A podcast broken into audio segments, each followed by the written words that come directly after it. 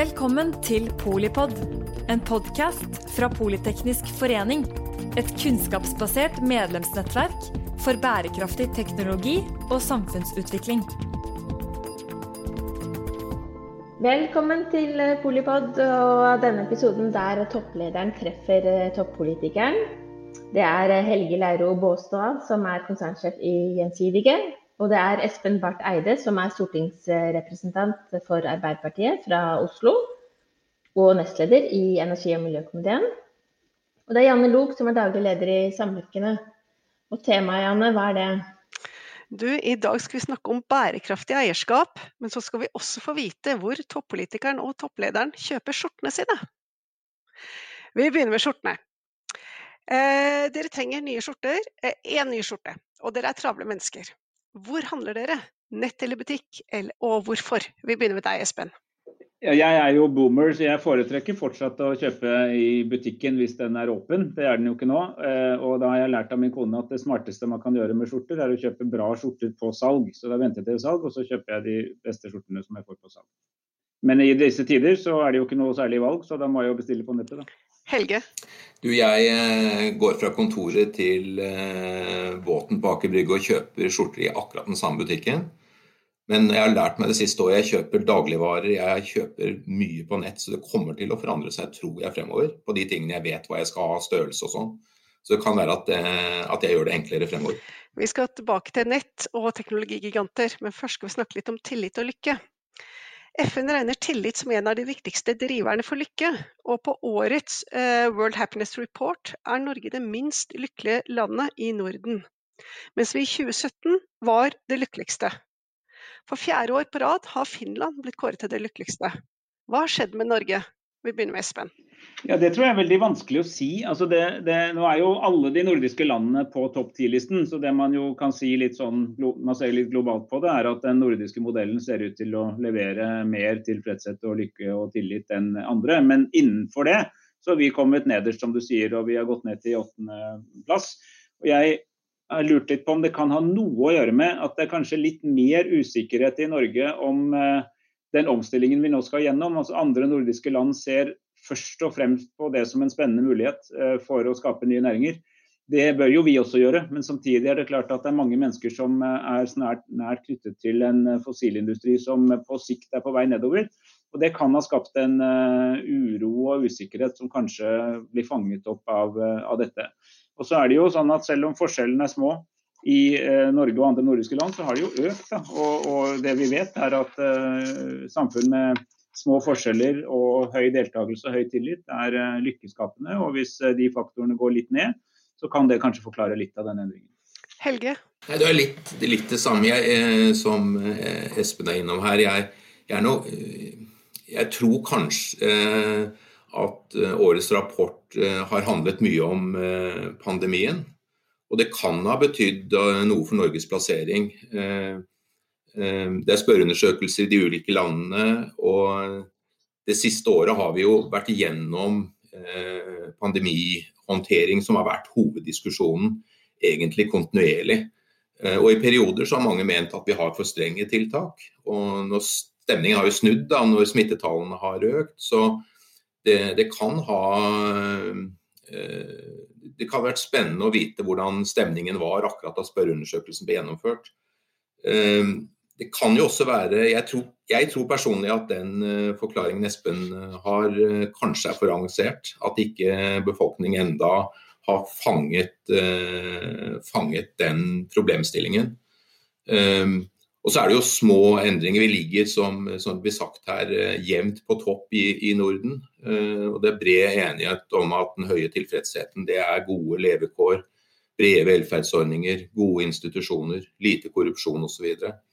Uh, men Finland har jo ligget veldig høyt, og det, det har jeg ikke noe god forklaring på, egentlig. Finland har ligget veldig høyt i, i mange år. Nei, vi får følge med, det blir spennende å se. Eh, teknologiselskapene har hatt en enorm vekst. Det digitale skiftet er i ferd med å bli det største eierskiftet globalt noensinne. Og det har vært mange beskyldninger om maktmisbruk. Er dere bekymret for de globale teknologigigantenes vekst? Eh, Espen? Altså det, digitaliseringen er kommet for å bli, og en, vi kommer til å være en del av samfunnet vårt i all fremtid. Eh, og, og, veldig mye av økonomien drives jo nå fram av de største selskapene i den sektoren. Det er helt viktig. Jeg i hvert fall lyst til å si at jeg er veldig glad for at man nå i Europa, ledet av EU, har begynt å ta litt tak i dette. Både i forhold til eh, skattleggingsproblematikk, altså hvordan man kan sørge for at mer av Eh, av statene fortsatt kan beskatte en del av nødvendigheten som skjer i eget land. Men også i forhold til personvernspørsmål som GDPR f.eks., som jo vi alle merker hver dag. For hver gang vi går inn på en ny nettside må vi krysse av på hva slags cookies og sånt vi aksepterer. Men dette er jo en del av noe mye større, som er å begynne å lage lover for hvor data kan lagres, hvilke data kan lagres, hvilken bevissthet forbrukeren må ha om hvilke data som lagres. Og, og Der er det én kraft i verden som virkelig har tatt tak i dette på en ordentlig måte. Det er EU. Eh, veldig mye av dette har jo tidligere vært regulert av amerikansk lov. Det er ikke så veldig mye hjelp å få fra Kina tror jeg, når det gjelder personvern og databruk. Så da er det på en måte våre venner i Europa som nå står i front, og det mener jeg er bra. Og Så mener jeg også at den digitale økonomien skaper enorme muligheter. Altså, vi med vår evne til å tenke kreativt kan jo bruke den til å styrke f.eks. bosetting i distriktene til veldig mange ting vi kan gjøre fordi vi får en mer digital virkelighet. Men det er altså viktig at disse, både disse personvernspørsmålene og disse tingene som går rundt eh, skattlegging av ganske viktige økonomiske organisasjoner, blir tydeligere. Helge? Jeg deler mye av eh, det som er sagt eh, når det gjelder disse store globale teknologiselskapene. Så er det jo verdt en refleksjon rundt det. og noen av disse selskapene er jo det vi nesten kan omtale som naturlige monopoler. Eh, særlig Google, så er det, det er umulig å konkurrere med Google når det gjelder søking. og Søkemotoren til Google vi har, er den mest attraktive, vil tiltrekke seg flest brukere og dermed bli enda bedre. Og Skal du utfordre Google på, på, søk, så må du finne på en helt ny måte å skaffe informasjon på som Google ikke kan. Og, og da vil du naturlig kanskje få et nytt monopol. Ehm, når det gjelder den type monopoler, og jeg vil nesten kalle det det, så er det bekymring. Ehm, særlig, og som det ble nevnt her, når det gjelder internasjonale, globale giganter da, som kan sluse inntektene eh, til land hvor de betaler lite skatt. Så er vel trøsten så langt da, at det viser seg at disse gigantene ikke klarer å drive med alt samtidig. Og vi som driver med forsikring i mitt selskap, vi har jo hørt om Googles ambisjoner om å drive med forsikring og banktjenester og alle mulige andre tjenester over tid. Eh, McKinsey var ute og presenterte for noen få år siden et scenario hvor de pekte på eh, at disse store fem til syv globale økosystemer ville bli ork orkestrert av globale eh, tech-giganter fra USA og Kina. Og Nå har jo vist seg at det, det har ikke skjedd. Jeg var i Kina med styret og så eh, hvordan de har utviklet alt i ett leverandører med enorm overvåkning. Og Heldigvis da, så har man et regelverk som ble kommentert her som GDPR. Så den kinesiske trusselen, eh, når de kinesiske tech-selskapene, ser jeg vel foreløpig ikke som en stor utfordring eh, eh vestover. Eh, og som jeg sier, Trøsten er jo at uh, disse store tech-gigantene har ikke klart å utvikle alle tjenester og ta denne orkestratorrollen. Men dette har vi høyt på vår agenda. Uh, vi ser jo at Finn f.eks. er den dominerende søkemotoren i Norge, selv om man får opp dette på Facebook og, og, og, og man har konkurrenter hos Google. Og de forsøkene vi har sett på forsikring, som er det fagfeltet mitt uh, internasjonalt, så har de ikke lykkes med det. Uh, så, men, men, eh, at eh, internasjonale myndigheter nå eh, jobber med regulering og sikrer GDPR uh, i, de, i, denne sammenheng er utrolig viktig. Utrolig viktig. Så spørsmålet ditt om det er grunnlag for bekymring, så er det jo det, faktisk. På en annen side, som Espen nevner her, så har digitalisering kommet for å bli. og dette gir oss jo mange, mange muligheter også. Men myndighetsregulering og grenseløs regulering er ekstremt viktig. Og det, jeg er veldig enig i det Helge sier. og det, det er klart at det er, um, på en måte kan, Dette er jo noe grensesprengende, for det er noe veldig annerledes enn det som har skjedd før. Men det at nye teknologier har kommet, det er jo historien full av. Og at det at det først går litt uh, tut og kjør, og så begynner det å komme inn i et slags system etter hvert, og myndighetene legger noen rammer og regler og konkurranse, f.eks. konkurranseregler og sånn. Det er for så vidt litt sånn at uh, historiens gang. Og, og, og egentlig er det som skjer nå, er at ting bare går så fort. Og jeg opplever jo som utøvende politiker at altså, det, er liksom, det, er vanskelig å følge teknologien. Altså, jeg, snakker ikke så mye om å forstå den, men, det, men endringene og effekten av de teknologiske endringene går så mye fortere nå. Uh, mens det tar tid på en måte å utrede og samstemme seg og, og forhandle fram og sånne løsninger.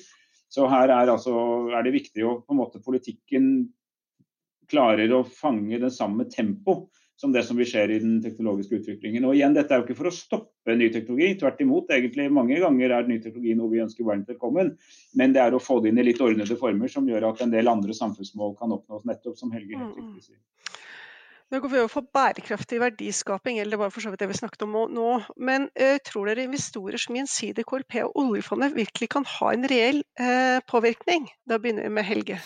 Det der er jo et super dagsaktuelt tema. Dere har kanskje sett hovedoverskriften nå i Dagens Næringsliv i dag, hvor eh, Nicolai Tangen er ute og fronter oljefondets syn eh, hva gjelder Credit Suisse, som har hatt eh, finansskandale med 40 milliarder kroner i tap på noe hedgefond, hvor de ønsker å kaste store deler av styret.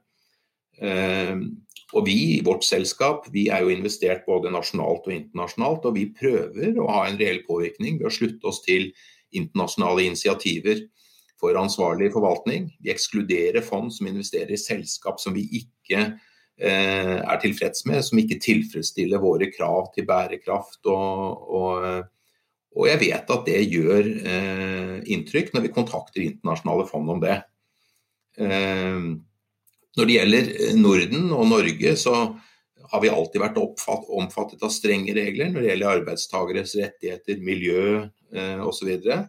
Eh, men vi ser allikevel når nye krav til rapportering kommer på oss i Norge, så har vi fremdeles eh, behov for videreutvikling og forbedring. Og internasjonalt, da utenfor Norge, så ser vi jo mange ganger effekten av dette. Eh, så her tror jeg virkelig at store kapitalforvaltere eh, har, eh, har mulighet til å ha en reell påvirkning. Og dette er voldsom fokus nå, tvers gjennom næringslivet, og det er veldig bra. Og så er det selvfølgelig en et politisk diskusjon der, hvor langt man skal trekke dette bærekraftsbegrepet. Eh, taksonomi er et begrep som vi kommer til å måtte eh, forholde oss til fra 1.1.2022, og vi skal da rapportere grønn brøk. Og Det er jo interessant da, eh, om forsikring av det som er viktig for norsk næringsliv og vil være i mange år fremover, norsk oljeproduksjon. Hva slags implikasjoner vil det få, vår, for vår grønne brøk? Eh, vi forholder oss til internasjonale anerkjente normer, men dette er også viktige politiske diskusjoner. Og da tenker jeg på oljesektoren i Norge. Jeg møter investorer ute som, eh, som trekker seg ut av uh, olje. Og, og, her er det viktig å ha flere uh, tanker i hodet samtidig. Jeg tenker at det jeg tenker at det Helge sier er veldig riktig og viktig, og jeg mener at uh, det er en uh, betydelig innflytelse fra det som nå skjer i næringslivet, ikke minst på investorsiden. Jeg tror det har stor innflytelse, virkelig stor positiv innflytelse. Og, og det som både de gjensidige og KLP og mange andre nå driver med, som er å stille sånne tydelige krav, det setter en kurs og en retning. Jeg jobbet jo noen år i Verdens økonomiske forum og opplevde hvordan det var en veldig bevegelse nå at de, som, de store kapitaleierne ble veldig mye mer bevisst på sin rolle. Og Det var, var nærmest et sånn paradigmeskifte i forhold til at man før sa at ja, disse her reglene, det er viktig med miljø og sosiale ansvar og sånn, men det får myndighetene ta seg av. Til å erkjente at vel, det gjør de jo ikke. Eh, vi må ta et ansvar selv. Og ofte at du fra næringslivet egentlig forventer mer fra myndighetene enn det myndighetene leverer. Altså helt motsatt i hvordan det var noen ti år før kanskje, hvor det var mer omvendt. Så Det tror jeg er både veldig, en veldig positiv utvikling, og det tror det har ganske stor betydning. Og Det er særlig da sånne eiere som, et, som føler at de har et ansvar for hvordan de plasserer pengene. Selvsagt skal de på vegne av innskyterne eller hvem det er, eh, forvalte pengene slik at det blir flere av dem, det skulle bare mangle. Men at man har en del andre ansvar i tillegg. altså At du er opptatt av at verden når Paris-målene. At du er opptatt av at man ikke driver med menneskerettighetsbrudd og slavearbeid. At du er opptatt av bærekraft. Det tror jeg er en av de kanskje mest positive trendene internasjonalt nå, eh, som jeg heier varmt på. Ehm, så jeg har lyst til å si, eh, siden Helge trakk inn taksonomi, jeg mener at det EU gjør er usedvanlig viktig. fordi Med å utvikle denne taksonomien for grønne investeringer, eller et, et litt enklere ord, et klassifiseringssystem for grønne investeringer, heier på det. Eh, som, fordi at Så langt så har liksom alle mulige sånne eh, ulike eh, rådgivningsorganisasjoner har laget sine egne standarder. Så alle har kunnet finne sin egen klassifisering og erklært at det de drev med bærekraftig. Nå blir det en standard for det. Men så har jeg lyst til å dele en bekymring. og det er at det blir liksom så grønt at man nesten glemmer å finne en måte å klassifisere de som går fra brunt til grønt, eller fra grått til grønt. da. Fordi at Den transisjonen er jo også bra. altså selv om du driver, altså Hvis du driver med sementproduksjon som har utslipp, og får ned utslippene, så er jo bevegelsen mot lavere utslipp også positivt. Eh, du kan ikke bare vente på at alt er blitt liksom ferdig nullutslipp fra dag én. Der tror jeg nok at vi som har både oljesektor og en del sånn prosessindustri som er på en viktig reise eh, til mindre utslipp, burde kanskje engasjere oss litt i hvordan dette, dette registreres. Da. Så den der eh, transisjonen må man få mer eh, tak på også og verdsette. Siste, siste tror jeg er fryktelig viktig, for ellers så blir det veldig binært. Mm. Mm. Eh, Espen, hva mener du er godt eierskap og god eierstyring? Ja, for meg det Godt eierskap er uh, langsiktighet. ikke sant? Altså At man, man, eier over tid, og du er interessert i hvordan det går med det du eier. At det er ikke bare noe du går inn i for å hente ut penger og så flytte dem videre. liksom i sånn creative destruction. Det, det er viktig. Også at man er, uh, og at man på en måte tar et samfunnsansvar også i utøvelse av eierskap. Jeg sier igjen, jeg forventer ikke at eiere slutter å interessere seg for avkastning. Selvfølgelig skal de ha det, og det er jo noe av det som driver økonomien framover. Men man, man er i stand til å si at man har noen krav til hvordan den avkastningen skal bli til. Altså man opplever, og det, det, er, er, verdifullt at, folk, eh, at man har ordentlige arbeidsforhold, at man forholder seg til naturen på en ordentlig måte, at man oppnår noen andre mål. Og Når tilstrekkelig mange mener det samtidig, så betyr det at du vrir økonomien slik at man til slutt får rett. Altså, når man etter hvert sier at vi vil ikke ha innsatsfaktorer som er produsert med unødvendig høye utslipp, eller med uakseptable arbeidsforhold, så vil det på en måte forme hvordan hele økonomien er. Der har man historisk ofte tenkt at jo, men det er alltid noen verstinger igjen. Men sannheten er, og dette husker jeg vi jobbet mye med i Verdens økonomiske forum, at altså hvis 70% gjør the right thing, så er det egentlig til å leve med at noen unnaslunter ikke gjør det. Altså Det er kritisk masse. Så, så, så, Hvis Helge og alle hans kolleger ute i verden, hvis flertallet av dem begynner å tenke sånn som KLP og, og, og Gjensidige og andre sånne sammenlignbare eh, organisasjoner gjør i, i Norge, så, så, får du altså en litt annen økonomi til alles beste, egentlig. Og Så kan jo da statene etter hvert begynne å finne grep for da å bremse verdien av å være en eh, luring eller en unnaslunter. F.eks. dette med karbonskatt og karbonavgift ved grensen, og andre tiltak som gjør at du egentlig du nuller ut de fordelene det er ved ikke å bry seg. Da. Men du trenger et næringsliv som mener noe og vil noe, og i partnerskap med en en stat som Jeg tror veldig på markedets skaperkraft, men jeg tror at markedets skaperkraft blir aller best når den er innenfor noen sånne regulerte noen rammer da, for hva som er eh, målene man ønsker å oppnå. Helge, eh, du får ordet, og du skal også si litt om eller jeg vil gjerne at du sier litt om det å være toppsjef i både eh, en av Norges største finanskonsern på børs, og som også har vært samvirkeeid. Så du kan eierskap? Ja, jeg kan ulike former for eierskap. Eh, jeg har lyst til å starte med eh, uavhengig av eierskap. Da, misjon, bare kommentere misjonen til Gjensidige. Det er å sikre liv, og helse og verdier. Og så har vi lagt til på en bærekraftig måte. Jeg tenkte jeg skulle nevne det i stad, men jeg har i mine 20 år nå som toppsjef i Gjensidige snakket med alle nyansatte i puljer.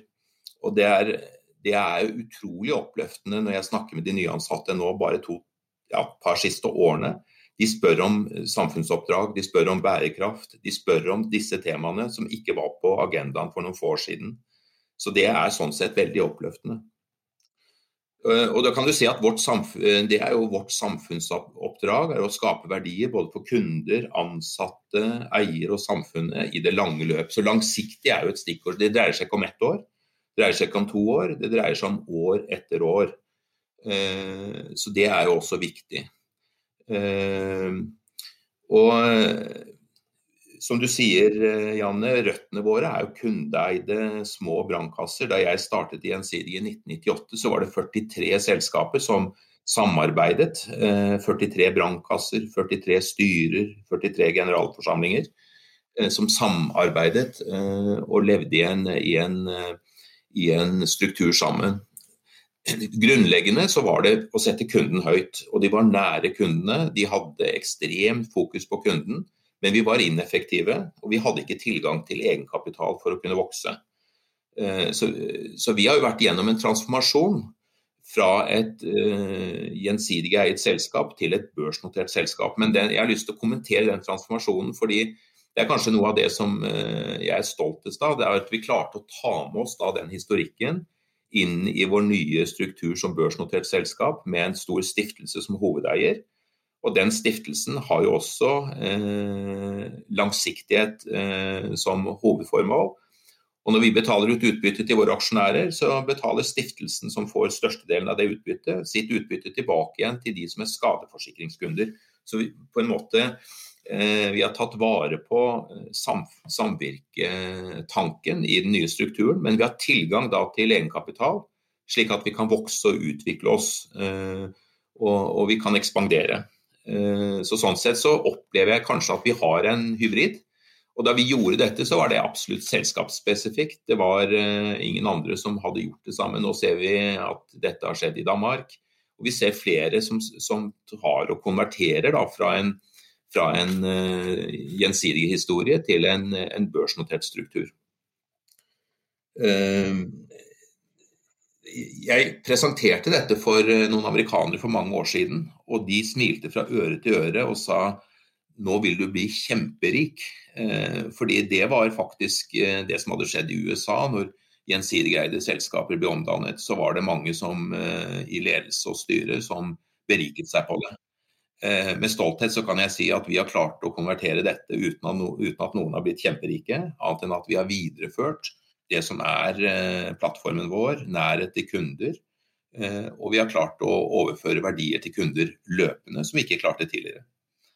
Så akkurat dette med eierformer, det tenker jeg man skal ikke Da jeg begynte i Gjensidige, så var det, så var det Gjensidige mot de børsnoterte. Og jeg hadde ledere som sa vi skal aldri gå fra gjensidige status, ikke over mitt lik. Så jeg lærte et par ting. Det å si ikke over mitt lik er dumt. Eh, og så tenker jeg eierformer kan være Det kan være ulike eierformer til ulike tider. Eh, men man må ta med seg det som ligger dypt forankret i, i, i, i selskapet, som er eh, DNA-et til selskapet. Hvis man klarer å bygge videre på det, så er det veldig sterkt og godt.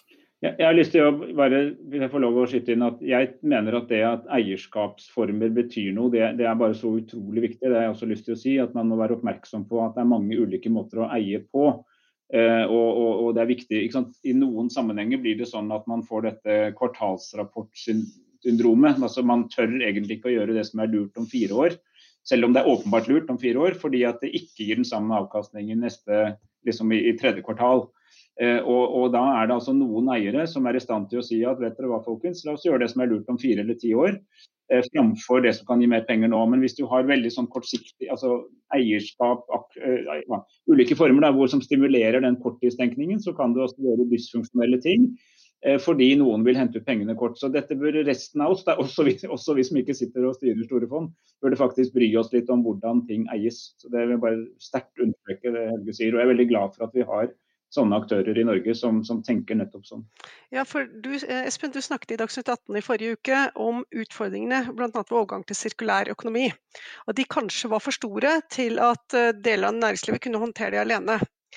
Så trenger vi en større debatt om eierskap. Altså, Hvem vil vi skal eie i Norge, og hvordan skal vi ta vare på å utvikle den norske modellen i, når vi både skal over til sirkulær økonomi og skal konkurrere med de globale teknologigigantene? Altså, jeg vil først si at Nå er det veldig mye av dette som allerede skjer eh, på privat side. Så Når vi snakker om staten, så betyr det absolutt ikke for å begynne med det, det betyr ikke at vi syns staten verken skal eie alt eller bestemme alt eller gjøre alt. Men vi ønsker at staten skal være en god partner, en, en litt ambisiøs og tydelig partner for næringslivet som egentlig heier på og støtter opp om den megatrenden vi nå ser mot, altså fra fossil til fornybar, og fra lineær til sirkulær økonomi, eller fra bruk og kast til ombruk.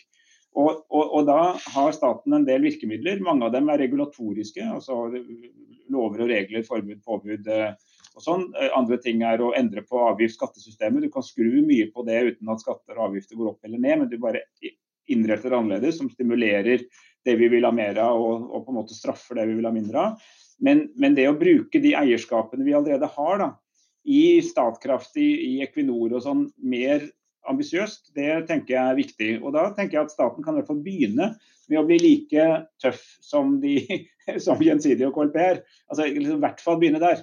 Fordi nå er det av og til, og dette har jeg fra folk som er eh, tett på, at av og til blir staten liksom snilleste gutten på generalforsamlingen som mener minst, selv om han kanskje eier mest fordi man er så opptatt av armlengdes avstand og ikke blande seg. Og Da er det veldig viktig å trekke en grense mot hva vi ikke mener igjen. Det betyr ikke at du skal drive med dirigisme. Du skal ikke sitte en statsråd og ringe CEO og fortelle om kommersielle investeringer.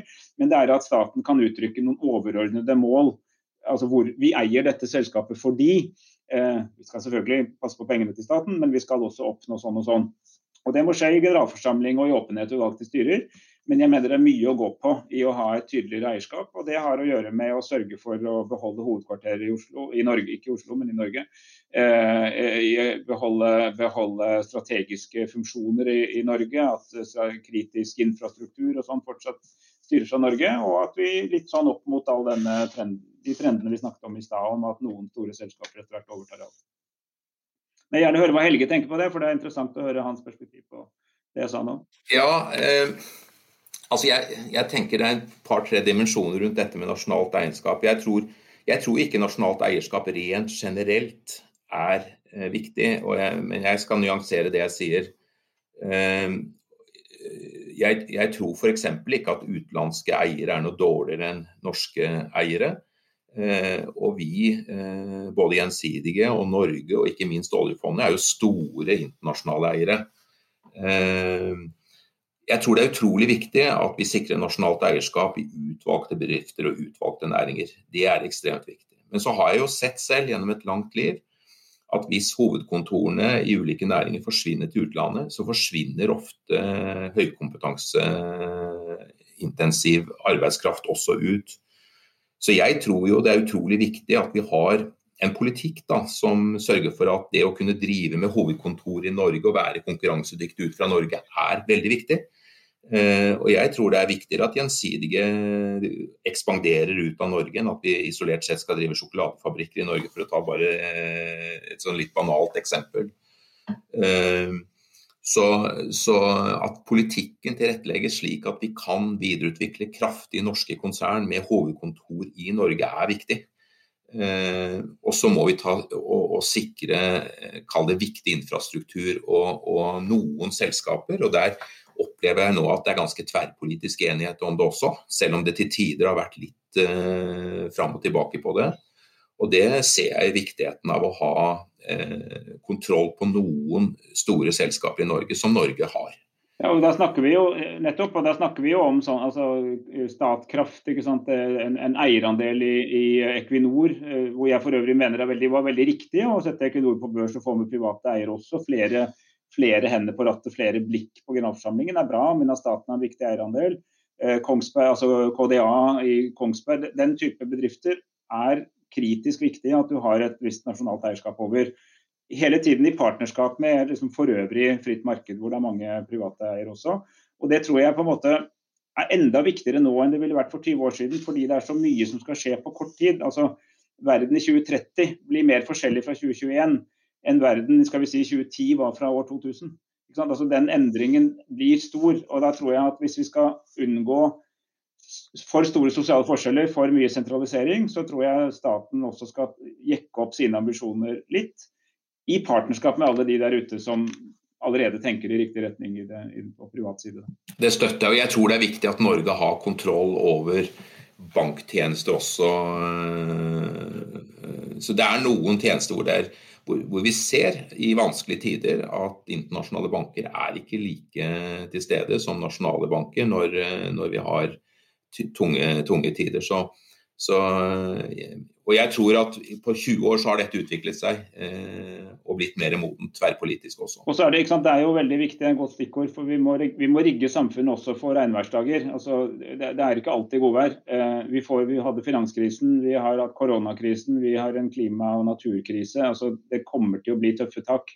Og da tror jeg det, vi blir litt, litt minnet over at eh, eh, som Carl Schmitt sa i sin tid på 30-tallet, at suveren er den som bestemmer over unntakstilstanden. Og, det, og litt eh, omsatt i vår tid. Av og til så trenger du staten for å ordne opp når det har rota seg litt til der ute, sånn som vi så i finanskrisen.